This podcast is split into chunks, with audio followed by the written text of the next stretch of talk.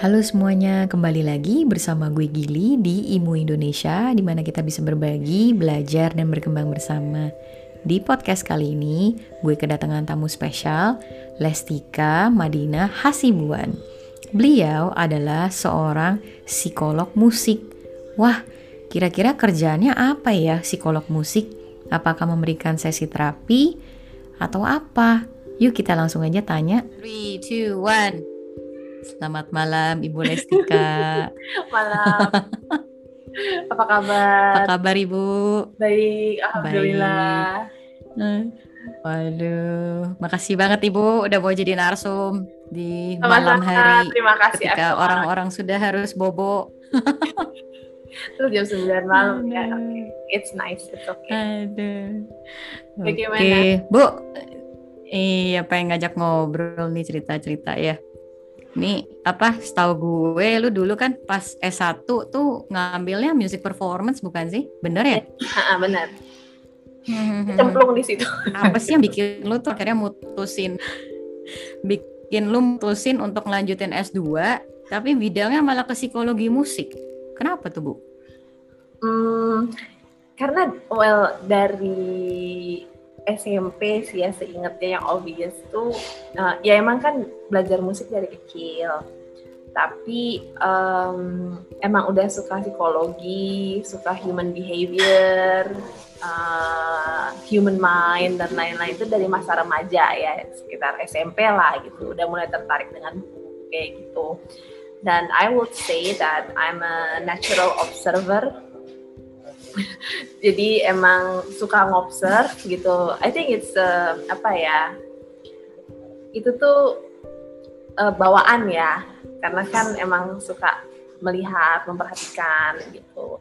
Nah during my musical training dan berasanya tuh ya pas musical training di Universitas Pelita Harapan itu uh, menyadari bahwa musik sama sains itu berhubungan gitu saling terkait.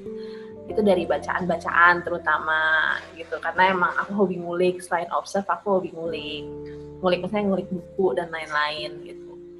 Terus juga uh, dari situ jadi tahu bahwa sebenarnya uh, music science gitu ya yang nanti kita masuknya lewat music psychology itu memungkinkan uh, pengalaman musik manusia ini tuh uh, dapat diukur terus bisa discovering something dan bisa dijelaskan gitu. Jadi pengalaman musik ini bukan hanya oh ya udah I experience music, I play music, I compose music, tapi lebih dalam dari itu tuh ada proses-proses yang terjadi dalam diri kita dan itu bisa diukur dan dijelaskan. I think it's very interesting gitu. Hmm, nice. I mean, kalau boleh tahu nih tadi kan lu bilang pas mulai dari SMP. Mm -mm. Uh -uh. Pas SMP apa nih yang bikin lu berpikir kok lu bisa intrik banget buat observe human behavior tuh gara nonton apakah atau emang apa itu boleh ceritain gak tuh?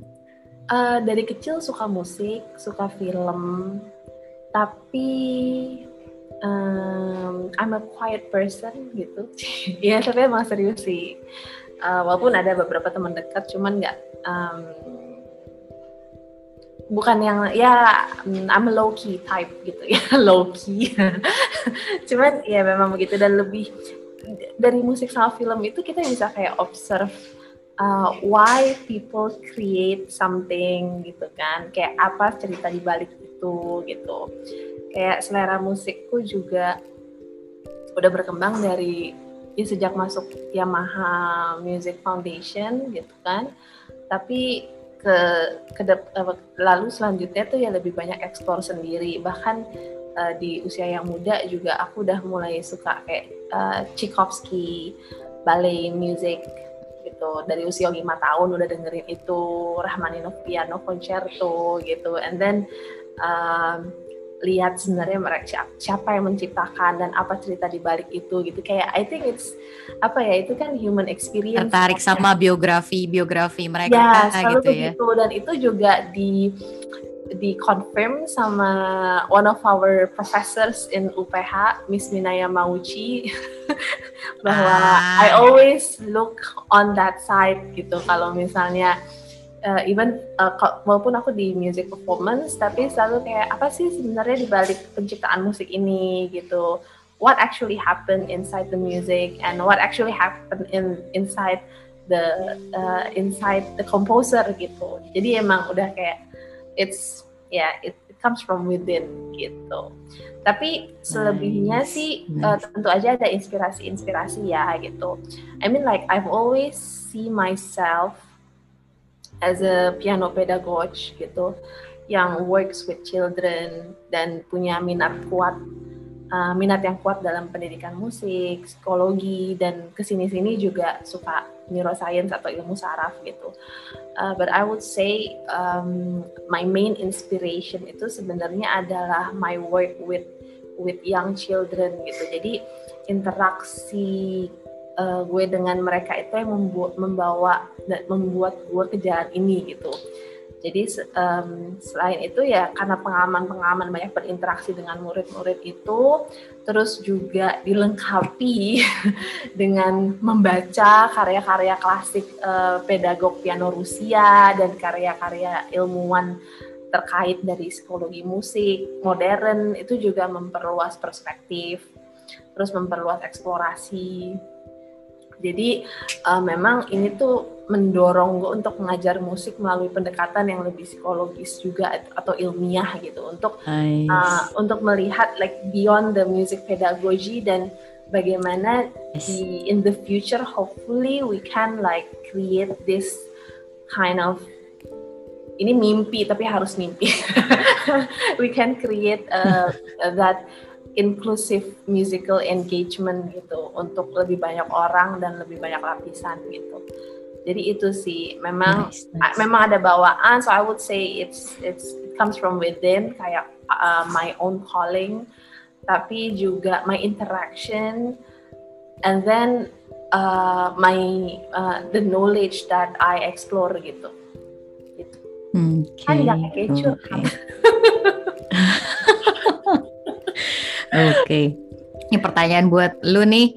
Jadi sebenarnya psikologi musik itu pelajaran tentang apa sih? Lebih ke apa? Lebih observing ke human behavior itself atau lebih observing ke music itself? Dan berada di bawah departemen apa? Psikologi atau musik?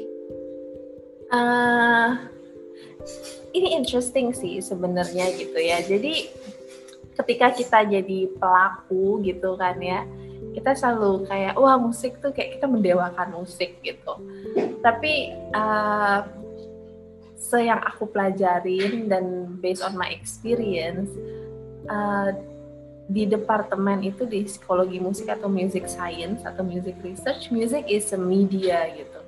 Music tuh kayak mediumnya kayak alatnya gitu. Dan sebenarnya subjeknya tetap human gitu. Jadi uh, ini nantinya akan akan akan nyambung dengan how we treat uh, human in the musical environment apakah di music education atau atau di music composition, music performance gitu ya bahwa sebenarnya tuh the the the, the subject itu adalah uh, us gitu. Music is a media gitu. Karena dia produk dari pikiran kita kan, dari pikiran-pikiran manusia gitu. Jadi jangan jadi ya lucu juga kadang kalau misalnya kita kayak oh ya musik tuh uh, kayak very important. It is important, tapi sebenarnya manusianya yang create, uh, perceive, proses, and then create lagi gitu, create that activity. Nah, jadi memang kalau psikologi musik itu balik lagi tadi introduction. Tapi kalau misalnya psikologi musik itu merupakan salah satu cabang dari musikologi. Nah, hmm. uh, orang kan masih bingung ya sebenarnya psikologi musik itu departemennya apa, but actually it's under music department. Jadi bukan psychology ah. department, tapi in practice uh, kami waktu itu aku dan teman-teman uh, di kampus kita juga dapat training dari psychology department. Jadi dia cross disciplinary gitu. Nah, kalau uh, dia kan cabang dari musikologi. Nah, musikologi kan juga sebenarnya di Indonesia ya ada beberapa teman-teman dekatku yang juga musikolog tapi belum as famous as music practice kayak performance, musician atau composer gitu kan atau arranger. Jadi musikologi adalah bidang keilmuan musik uh, yang didasari penelitian dan analisa ilmiah. Jadi emang harus meneliti. Berbeda dengan musik pertunjukan atau komposisi, musikologi sebagai keilmuan itu uh, lebih banyak melibatkan penelitian, terus observasi analisa, interpretasi data dan mengkomunikasikan hasil penemuan tersebut itu. Jadi memang kalau misalnya ada bagi dibagi dua ada research music itu ada research base ada practice base and this one is the research base itu dasarnya adalah research atau penelitian nah eh, mungkin sedikit aja juga supaya untuk meluruskan kalau kita bicara mengenai musikologi kita harus give credit untuk salah satu bapak penemu musikologinya sendiri gitu yaitu Guido Adler dia Australian musicologist dan profesor di University of Vienna jadi uh, dia yang uh, membagi membagi dia kayak create uh, this system basically gitu. Jadi pada tahun 1885 uh, Adler ini dia memang peneliti ya. Jadi dia menulis banyak menulis. Menulis satu artikel yang berjudul uh, Umfang Methode Unzil der Musikwissenschaft atau It's the Scope, Method, and Aim of Musicology gitu. Nah di dalam artikel ini Adler nggak hanya memberikan deskripsi apa sih sebenarnya musikologi itu, ya, dan dan de, maksudnya deskripsi yang komprehensif gitu tapi dia juga membagi musikologi menjadi dua subdisiplin uh, historischen Musikwissenschaft atau historical musicology jadi yang sejarah uh, sejarah musik dan lain-lain atau systematischen Musikwissenschaft itu systematic musicology. Jadi memang seperti yang kita semua tahu psikologi saja adalah studi tentang pikiran dan perilaku manusia. Nah, psikologi musik itu adalah salah satu cabang dari musikologi sistematis uh, atau studi tentang pikiran dan perilaku musik manusia. Jadi, like human uh, musical behavior gitu, bukan human behavior hmm. aja. Kalau psikologi kan human behavior. Kalau misalnya psikologi musik, it's human musical behavior gitu ya mempelajari musik dan kejiwaan manusia. Jadi ini mencakup isinya apa aja? Ini mencakup uh, perilaku musikal manusia, pengalaman musikal manusia dan proses bagaimana manusia tuh menerima ketika kita dengar. Terus pasti kita respon dong kalau misalnya kita atau kita bereaksi gitu.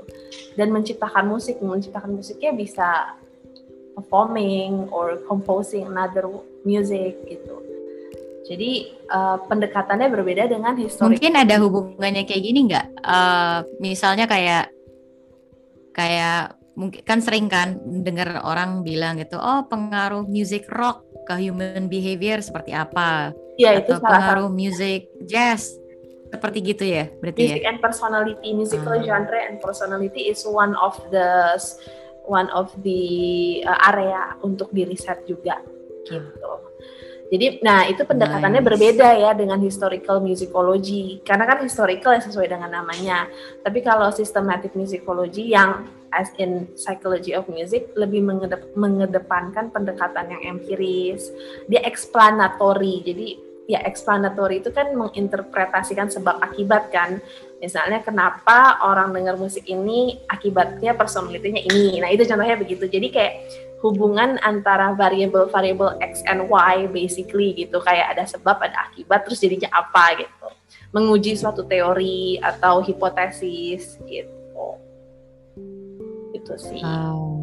jadi it's Keren under music department under music department it's not under psychology department tapi ada juga lucu jadi ya sebenarnya uh, yang dulu ada namanya Carl Shore. Uh, dia yang uh, nulis buku Psychology of Music. Dia sebenarnya adalah psikolog gitu. Dia dia dia bukan bukan orang musik. Jadi kayak ada uh, well uh, ya teman-teman yang dengar ini mungkin nanti bisa bisa kalau mau diskusi langsung ke aku bisa. Atau mau research uh, by yourself juga bisa gimana. Tapi kemarin ada ngobrol sama salah satu uh, sohibku juga. Dia dia lagi PhD psikologi dan sebenarnya uh, dari dari kubu psikologi sendiri mereka juga uh, melihat psikologi musik ya ada musik terus mereka um, menggunakan metode mereka metodologi mereka untuk meneliti gitu. Jadi I mean like uh, kalau dari dari dari perspektif uh, musik kan ini musikologi uh, psychology of music itu turunannya musikologi. Tapi kalau dari psikologi bahwa ya yeah, it's just like we we research about music and human behavior jadi you know what I mean? Jadi itu itu agak unik sih. Dan waktu itu ada aku nggak ber, bukan berdebat sih ya, tapi kita discuss lah gitu bahwa oke okay, jadi sebenarnya siapa yang mulai duluan gitu? Dari dari kubu psikologi atau kubu musikologi? It's kind of tricky tapi itu mungkin akan akan dibahas lebih lanjut. Jadi ini belum akurat apa yang aku bilang ya tapi uh, nanti bisa didiskusikan dan kita cari tahu bersama-sama kenapa begitu Iya dong harus informasinya okay, kan harus okay. benar. Ya betul. Nah ini uh, yang pengen gue tanya lagi. Jadi sebenarnya pekerjaan seorang music psychologist gitu ada hubungannya juga nggak kayak memberikan sesi terapi ke klien gitu yang ranahnya mental health gitu. Hmm. Sama, apa kurang lebih mirip nggak sih sama music therapist gitu? Oh, atau berbeda? it's totally different. Ini juga uh, aku sih um, nah. menganggap ini pertanyaan bagus dan harus dijawab dengan baik gitu ya. Dan bukan hanya satu orang yang menjawab, tapi harus banyak orang yang mengkonfirm gitu. Emang orang yang kredibel untuk mengkonfirm.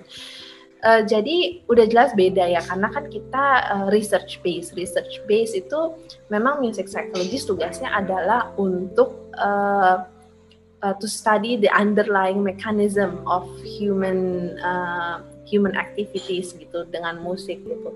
Beda it's obviously different dengan music therapist gitu karena uh, music therapy sendiri juga dia kan mengacu pada penggunaan intervensi musik kan atau musical intervention yang berbasis uh, data uh, dan dan dia klinis gitu untuk mencapai tujuan individual tersebut gitu. Uh, maksudnya individual klien atau patient itu kan dan ini kan uh, require uh, this activity require the uh, certified therapist. Ya kan? Emang emang sekolah ada sekolahnya gitu. Jadi kita bukan kita kita nggak sama kerjaannya gitu. Tapi um, lebih membawahi ya. Maksudnya kayak uh, apa yang kita temukan dari riset psikologi musik itu bisa berkontribusi untuk pengembangan music therapy, music education, music composition. Music composition maybe not really, tapi ya obviously itu sebenarnya paling obvious adalah music therapy, music education, sama music business juga ya kan karena kan itu dealing with humans gitu. Nah terus ada lagi music medicine ya kan. Nah music medicine juga kadang nyaru gitu. Apa sih sebenarnya ada musik terapi ada music medicine. Music medicine sendiri itu kan uh, adalah term yang digunakan jika peneliti atau praktisi musik menggunakan musik untuk hasil yang berhubungan dengan kesehatan tapi tanpa ada qualified therapist. Gitu. Jadi dan ada lagi orang bilang oh ya kalau misalnya therapeutic effect of music tuh apa lagi? Gitu. Pokoknya kalau misalnya denger musik terus uh, I feel good dan itu music therapy. No gitu. Music therapy you need qualified therapist yang punya gelar. Dia dia harus certified gitu kan. Dan itu bukan doesn't mean that you listen to uh, any random song and you feel good. Terus itu musik terapi no gitu. Itu, itu enggak. Tapi therapeutic music apa therapeutic effect itu bisa kita dapat uh, either it's individual ya kita mandiri secara mandiri atau by music therapist juga gitu. Eh, maksudnya pengalamannya luas sekali gitu. Tapi ya itu yes. jadi uh, siapa yang uh, intervensinya bagaimana dan siapa yang siapa yang involve itu penting gitu untuk membedakan sebenarnya ini loh music psychology, ini loh music therapy, ini loh music medicine gitu. I think it should be clear gitu. Hmm, menarik ya, begitu luas ya berarti ya. yes. Wow. Indeed. Wow, wow. Nih, selain menjadi seorang music psychologist, kan gue juga tahu lu juga ngajar ya. Berarti kan hmm. lu juga music educator nih. Berarti kalau lu bicara tentang research, nih lu sembari ngajar anak-anak murid, lu juga secara langsung juga ngelakuin research di lapangan berarti. Boleh cerita sedikit nggak research apa aja yang udah pernah lo lakuin sembari ngajar ini gitu? Well, I wouldn't say it's a research karena kalau misalnya dibilang kayak research research gitu ya, itu kan uh, berarti kita harus ada prosedur yang jelas. Terus kita prosedur satu ya, habis itu metodologinya juga and then uh, belum lagi consent atau kita harus minta permission dari uh, participant atau hmm. clients or our students, the parents itu tuh banyak sekali gitu.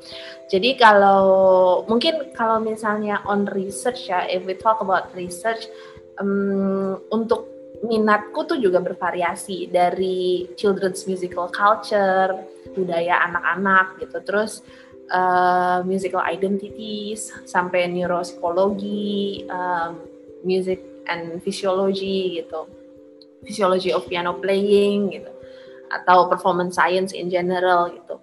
Nah, um, well kalau misalnya yang benar-benar riset yang aku pernah jalanin ya ketika aku lagi training di uh, my, uh, my master in the UK gitu. Hmm. Jadi um, itu juga lebih mengenai ke musical identity dan bagaimana uh, mereka mengkonstruk their identity uh, di di Yogyakarta gitu. Jadi ada ada uh, ada dua bagaimana mereka mengeksplorasi mengeksplorasi musik uh, dan uh, mengeksplor um, pembentukan identitas mereka gitu. Nah, cuman kalau misalnya sejak kembali ke Indonesia, um, I'm fascinated uh, with the idea of neuroplasticity. Jadi kayak kemampuan otak, uh, kemampuan otak untuk memodifikasi Nice. gitu. Yang dihasilkan dari latihan intensif. Nah, in, uh, in my case itu adalah latihan intensif piano gitu. Tapi untuk proyek itu juga because I'm an independent scholar gitu ya. Um, aku juga lebih banyak kayak uh, eksplorasi finding-finding dari literatur sebelumnya and then look at the piano method. Jadi kayak uh, aku observe uh, piano methodnya bagaimana apakah it's relevant apakah it's actually works for the children gitu tapi uh, it uh, it should be informed by scientific findings juga dari riset-riset yang sebelumnya gitu jadi basically I kind of synthesize everything gitu Nice, ini jadi apa pertanyaan buat lu jadi tambah banyak nih. Aduh, aduh, aduh. jadi memang ya itu jadi pekerjaan sehari-hari ya kayak hmm, kalau misalnya peneliti independen itu kan eh, nggak uh, under any institution, uh, tapi ya I would say yang aku lakuin itu riset juga not yet gitu ya. But I I do observe like lots gitu. Dan if it's research dan itu lebih kayak ke literate literature research gitu. Uh, bagaimana uh, memahami lebih banyak tentang pendekatan ilmiah uh, pedagogi musik terus um, uh, langsung ke lapangan untuk melakukan pengajaran terus penilaian untuk metode piano bermacam-macam dong dan ke siswa itu bagaimana gitu. Nah, ini yang menarik di sini yang pengen gue tanyain adalah kan lu bilang human behavior gitu kan. Terus tadi hmm. lu bicara piano method books. Itu kan banyak banget.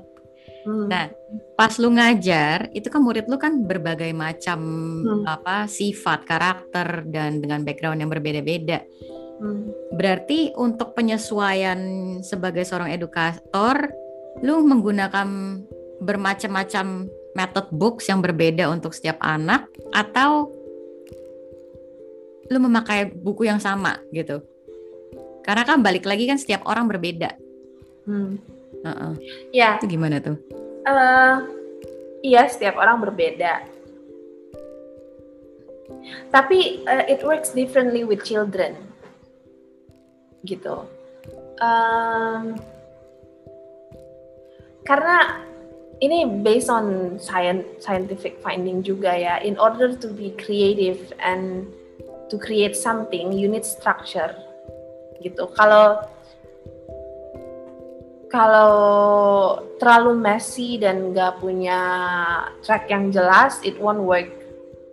Gitu. Jadi um, ini kita bicaranya di ranahku yang young children ya, young children dan um, young children with special needs. Jadi mereka memang punya kebutuhan untuk mengenal struktur, pattern, membentuk habit, kontrol diri, ya kan kontrol diri itu meliputi kontrol badan, kontrol pikiran, and how to synchronize everything and uh, and um, give concrete outcome. Outcome itu kan main piano dengan baik gitu. Itu kan outcome-nya dan itu konkret karena jelas gitu ya bentuknya jelas bukan bukan hal yang abstrak dong kalau misalnya permainan piano yang baik itu gitu.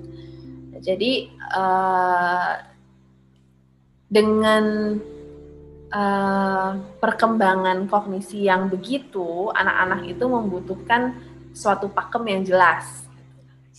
Jadi kalau misalnya ditanya apakah nyobain berbagai macam metode testing-testing ke semua anak gitu, no, I never did that. Kenapa? Karena uh, error boleh, tapi nggak boleh coba-coba juga sama murid.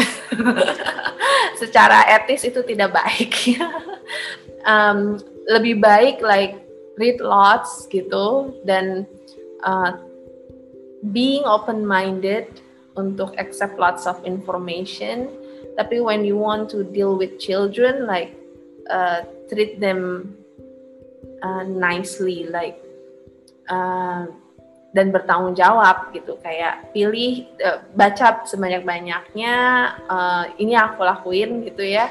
Terus apakah ini bisa berhasil atau enggak kita coba kita tes gitu. Tapi ya kalau misalnya kita terlalu banyak coba-coba dengan ini juga itu akan membuang waktu mereka satu gitu ya kan.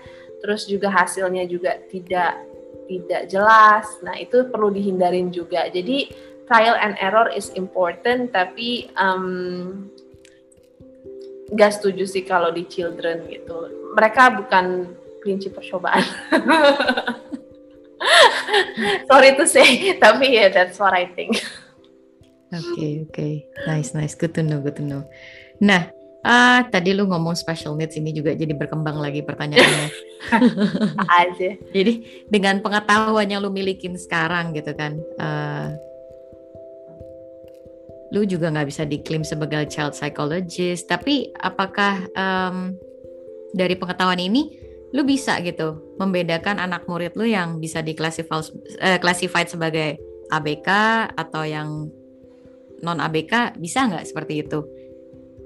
Um, dan biasanya orang tuanya mereka gitu ya yang datang ke lu buat minta tutor piano gitu hmm, ada nggak maksudnya dikasih prior prior uh, diagnose gitu misalkan oh anak gue nih ada kondisi seperti ini gitu atau lu harus mengfigure out seiring berjalannya waktu hmm. Hmm. Uh, ya yeah, good question uh, karena experience ya uh, I've been doing this like 16 years Wow. Kayak uh, aku pertama kali ngajar tuh umur 18 tahun karena diminta wow. gantiin guru pianoku untuk jadi asisten. Jadi jadi asisten gitu tapi yang di assist juga lebih tua daripada aku dulu kayak gitu sampai ada yang nggak mau masuk ruangan karena kayak kok gurunya kecil gitu gurunya kecil nah uh, karena pengalaman itu I would say I'm natural bukan sombong tapi this is the fact. I'm natural. No I'm, I'm natural like I can feel it. Terus uh, I just know kalau misalnya kayak ada anak yang punya tendensi sesuatu atau dia berbeda uh, dari perilakunya dari yang lain gitu. Itu ya. Karena ya I love to observe. Terus jadi it it came it came natural naturally. Itu intuitif ya. Tapi uh, balik lagi ini juga kenapa alasan aku ngambil psikologi musik karena I want like scientific reason behind my intuition. Gak kayak sekedar oh ya ini kayaknya oke okay, ngeramal-ramal tapi ternyata zong gitu kan salah. Jadi uh, oh, dan orang tua itu apakah mereka memberitahukan mengenai kondisi anaknya? Oh ya aku minta. Jadi karena my training in music psychology walaupun aku punya natural habit untuk bisa uh, bisa define gitu ya untuk discover things tapi I create standard untuk parents kalau misalnya if they want to be with me uh, if they if their children want to be with me then they have to be honest. They need to be honest uh, the condition apa yang mau di apa yang mau dikembangkan apa yang mau di develop gitu. Ada masalah apa? Terus treatment sehari-hari bagaimana gitu? Apakah anaknya tipe personalitinya memang tertutup terbuka gitu? Um, ya figure it out. It's my job tapi yang basicnya nih yang orang tua informasinya tahu itu udah nggak boleh tricky gitu. So I always like um, apa ya interview prospective clients biasanya. Itu udah kayak harus wajib banget. Kayak ayo ketemuan. Uh, even kayak murid baru yang di online juga oke okay, let's meet up like 30 minutes through Zoom. And then uh, I'll check I'll ask the student I'll ask the parents gitu. Assessment apa yang udah dapet apa yang belum apa ada kecenderungan-kecenderungan gitu. Itu harus gitu. Jadi um, ya ini ini perlu di iniin ya perlu I think like music educator need to do this gitu. Dibiasakan hal seperti itu dinormalisasi gitu. Jangan kayak ah nggak ah nggak usah yaudah kan ngajar musik aja. No gitu. Kalau misalnya if, if you want this work well then you have to ask you have to communicate gitu with the student with the parents Nice. Ini kalau apa namanya um, itu kan kalau orang tuanya yang memang udah ngerti gitu. Pernah hmm. ketemu yang memang mungkin orang tuanya juga nggak paham tentang kondisi anaknya tersebut, terus lu harus figure out sendiri gitu. Pernah nggak ada case seperti oh, itu? Oh sering dong pasti. Hmm. 16 tahun tuh nggak mungkin manis terus diabetes pasti banyak yang gitu-gitu gitu. Ada yang um, ya uh, bukan denial juga sih. Memang kan uh, mungkin kalau misalnya kita bicara di negara-negara maju di Eropa uh, itu udah udah lazim gitu ya to admit like to know the case gitu kan. Kesadarannya awarenessnya juga udah dibangun. Bahkan pemerintah juga udah memberikan uh, memberikan perlindungan dan lain-lain itu jelas lah hukum-hukumnya. Kalau di Indonesia memang uh, and this is not bad, it's just our country gitu and we need to accept the fact bahwa kita harus bersabar, banyak sabar, banyak ngerti gitu bahwa uh, ada orang-orang yang memang mungkin uh, parents yang mungkin belum belum aware gitu ya.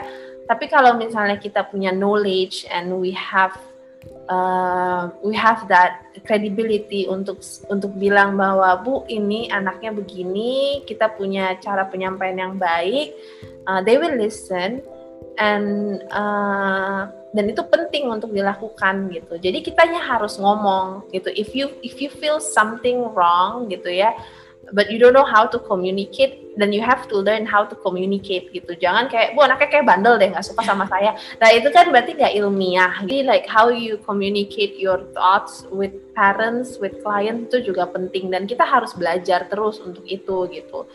Nggak bisa kayak bu anaknya nggak mau fokus nih anaknya gini anaknya gitu gitu. Jadi kayak nyalain anak which is sebenarnya anak juga nggak ngerti apa-apa. Jadi ya, karena mereka hanya anak-anak dan mereka tuh sebenarnya perlu guidance kita gitu. Tapi lebih ada pendekatan-pendekatan yang bu ini ada tendensi begini uh, mungkin ibu bisa kerjasama dengan pihak sekolah apakah anaknya di sekolah begitu juga? Gitu. Jadi untuk belajar hal-hal yang membutuhkan fokus lebih banyak seperti bermain musik dan lain-lain agak sulit atau bagaimana. Tapi harus jujur dan kita harus jujur tapi harus tahu komunikasinya bagaimana gitu. Jadi it's very important. Dan uh, it happens. Dan namanya kita mau mensosialisasikan sesuatu that's what we should do gitu. Jadi jangan jadi bukan berarti kayak waduh ribet banget ya di luar negeri. Semua orang udah ngerti ya di luar negeri di luar negeri merdeka dari kapan? Gitu. Sedangkan negara kita juga negara berkembang gitu. Dan untuk mem, untuk mengembangkannya dengan baik ya kita juga harus uh, mau mau mensosialisasikan itu gitu, berbagi itu gitu dengan dengan dengan parents, dengan students gitu. So I think ya yeah, it's perlu ada awareness itu sih. Kalau misalnya memang orang tua nggak nggak aware. Yes, yes, setuju setuju. Nice nice. Jadi ini Ibu Lestika ada wejangan nggak untuk teman-teman imu di sini terutama yang mungkin berprofesi sebagai edukator musik. Hmm. Sebenarnya faktor apa sih yang bisa menunjang keberhasilan kegiatan belajar mengajar ini gitu? Apalagi terutama harus ngadepin anak special needs, terus belum lagi orang tua mungkin nggak aware hmm, gitu. Yeah. Kira-kira gimana tuh bu? Well, uh, mungkin aku coba. Uh, aku ada apa ya? Pendek-pendek. Oh ya, pertama be open minded terus udah open minded be present gitu. Ini kan kita edukator musik ini kan dealing with human kan. Kita harus be open minded be present mindful. Terus kita juga communicate communication itu important. Terus dari situ kita bisa observe observe reaksi uh, orang. Reaksi atau respon reaksi kan konotasinya negatif. Kalau respon konotasinya jadi dua-duanya. Tapi kan biasanya kan orang kan either reaktif or responsif kan. Yes. jadi uh, kalau misalnya udah ada itu kita kan oh iya yeah, I know what to observe and how to deal with it. Gitu. Karena gue kan udah bekerja dengan anak-anak ya anak-anak ya khususnya ya. Jadi 16 tahun terakhir ini emang anak-anak dan uh, I love my job gitu. Um, jadi fokusnya ke situ gitu. Dan terlepas dari keterampilan musik um, dan pengetahuannya gitu. Um, gue lihat bahwa bagaimana cara kita mengajar dan berkomunikasi dengan anak-anak dan parentsnya dapat mempengaruhi pertumbuhan emosi dan perilaku manusia gitu perilaku perilaku, perilaku mereka. Jadi um, how you communicate is also important. Gitu tapi untuk komunikat yang baik gitu ya, kita harus open minded dulu. Open minded itu maksudnya apa ya? Untuk baca, untuk untuk melihat perspektif-perspektif lain, bahkan kadang dari ilmu lain gitu. Dan kita harus being present. Being present itu maksudnya ya at this moment. Jadi misalnya ngajar anak-anak gitu. Terus jangan mikir, wah nih murid gue kayaknya berbakat, jadi dia 20 tahun lagi dia akan jadi lang-lang gitu. Itu kan gak present kan? You need to accept the fact misalnya bahwa dia cuma anak-anak gitu dia cuma anak-anak dan kalau misalnya tiba-tiba dia pas piano atau pas any musical lesson terus dia tantrum ya you accept the fact gitu tapi it doesn't mean that she's not talented she's or he's he's not talented ya kan ketika dia throw tantrum uh, sekali itu belum tentu dia nggak nggak talented belum tentu dia nggak bikin progres besoknya gitu. Jadi kayak accept the fact like oh ya human itu kan kadang it's it's good it's ya kadang moody kadang happy kadang no gitu. Jadi kalau misalnya kita bisa ya being present and then you accept and then you try to understand then it will apa ya shape our way of communication to people gitu. Jadi penting banget sih jangan langsung expectnya kayak oh ya nih murid gue mau gue jadiin ini ini ini ini mainnya ini ini I don't think it works gitu. Tapi kalau misalnya kita benar-benar being present kita lihat oh ya hari ini dia nggak bisa ini. Oke okay, let's make this work.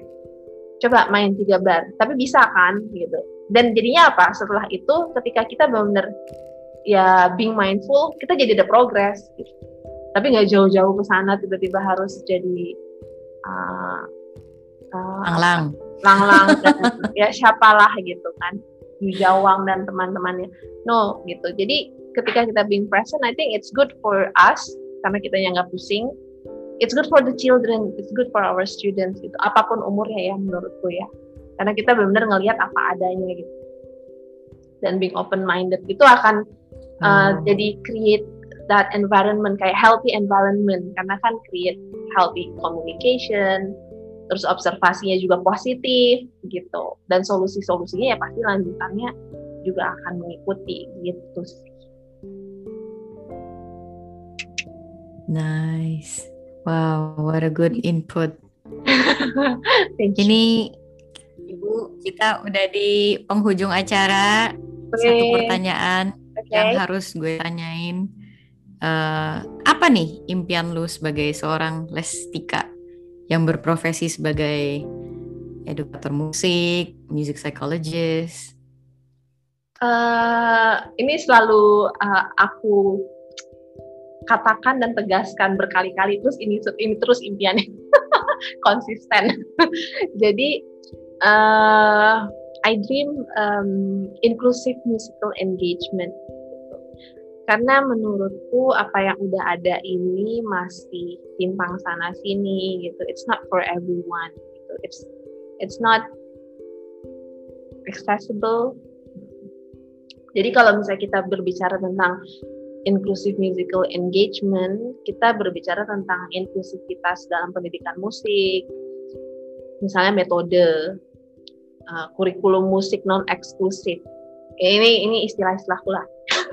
Jadi kurikulum musik non eksklusif non eksklusif itu, I mean like, oh iya belajar musik atau belajar piano yang bakat aja bisa baru jadi. Atau misalnya uh, yang usia gede aja. Karena kalau terlalu kecil anak-anak belum fokus. Jadi nggak usah belajar piano no.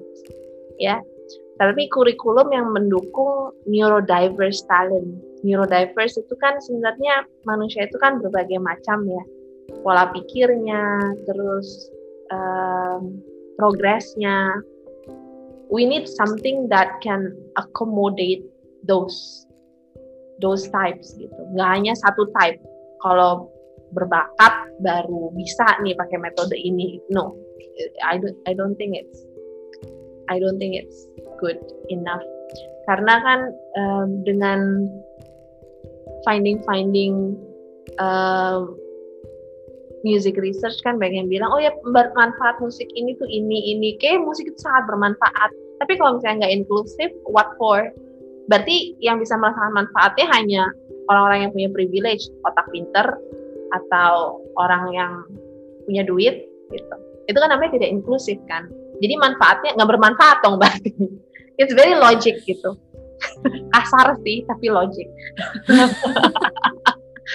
jadi uh, dan selain tentang pendidikan musik juga tentang akses untuk membuat dan berbagi musik misalnya melalui teknologi juga gitu. Ada uh, apakah uh, ya ini nanti banyak ya uh, walaupun bukan bidangku jadi aku nggak bisa ngomong banyak. It's not my capacity dan untuk mencapai lingkungan musik yang ideal itu karena aku juga ada background music psychology music research kita bisa mulai dengan membina kolaborasi antara praktisi dan peneliti dan penelitinya bukan harus direct kayak peneliti musik tapi juga peneliti-peneliti lain misalnya dari psikologi, dari neuroscience atau dari antropologi gitu. Sehingga akan ada lebih banyak pengembangan kerangka teoritis yang bisa uh, ngebus ngebus inclusivity ini gitu. Nice. Karena kan sebenarnya banyak banget perdebat perdebatan tentang nilai seni ya, khususnya musik gitu. Dan I think I mean like ini ya it, it's valid gitu ya. Uh, Uh, dari music psychology modern bilang bahwa penelitian musik ini dapat memiliki kegunaan yang praktik, gitu, practical, dan bisa membantu kita untuk uh, achieve that uh, human well-being gitu. Jadi ini bisa sangat berkontribusi, music research sangat bisa sangat berkontribusi bagi sub-sub uh, musik yang lain seperti musik pendidikan, musik performance, musik terapi gitu.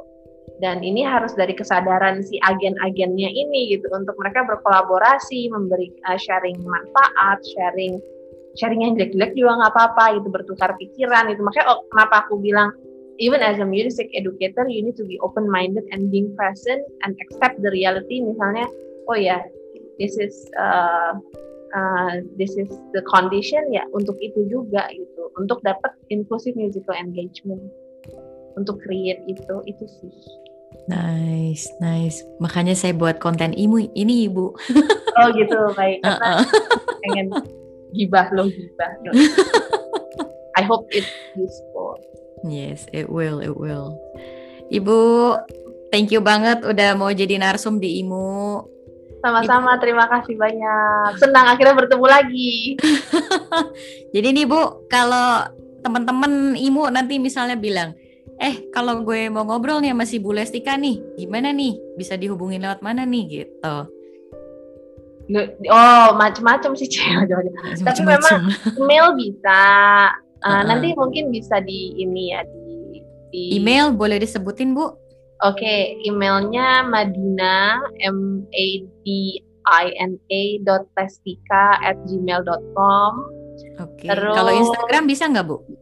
Instagram private sih ya, yang private uh. account itu oke okay sih, but you can uh, uh, you can reach me uh, at Lestika Hasibuan at Lestika Hasibuan. Oke. Okay. Terus kalau di Clubhouse juga sama Clubhouse. Clubhouse eksklusif bu, nggak inklusif. Ya, nggak inklusif makanya.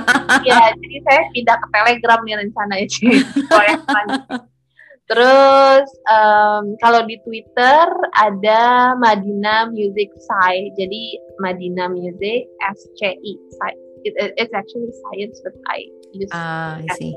Gitu. Okay, Itu Twitter okay. juga. Kalau Twitter sih memang lebih akademik ya, kayak I share lots of I retweeted bukan share sih itu sharingnya orang terus I retweet aja tapi tentang music research dan lain-lain jadi kalau mau ngintip-ngintip maksudnya uh, well I I always try my best to share something useful on Twitter gitu Oke, okay. gitu, oke okay deh. Thank you banget ya Ibu ya buat ya, apa uh, sharing knowledge-nya hari ini benar-benar insightful banget. Semoga tetap sehat, tetap sukses. Sama-sama. Impiannya bakal tercapai. Kita Amin. mesti bikin program nih Bu kayaknya kalau mau apa tujuannya bikin inclusivity untuk musical apa okay, education boleh. ini. Mohon dihubungi. Oke, okay, kalau gitu. Thank you Bu. Terima kasih untuk teman-teman IMU Indonesia yang telah menonton podcast kali ini. Silakan tekan tombol like dan subscribe. Apabila merasakan manfaatnya, silakan di-share. Dan apabila teman-teman ingin mengikuti perkembangan IMU Indonesia, silakan follow kami di Instagram at IMU underscore Indonesia atau follow page Facebook kita di Intelligence and Music. Sampai jumpa kembali di episode berikutnya.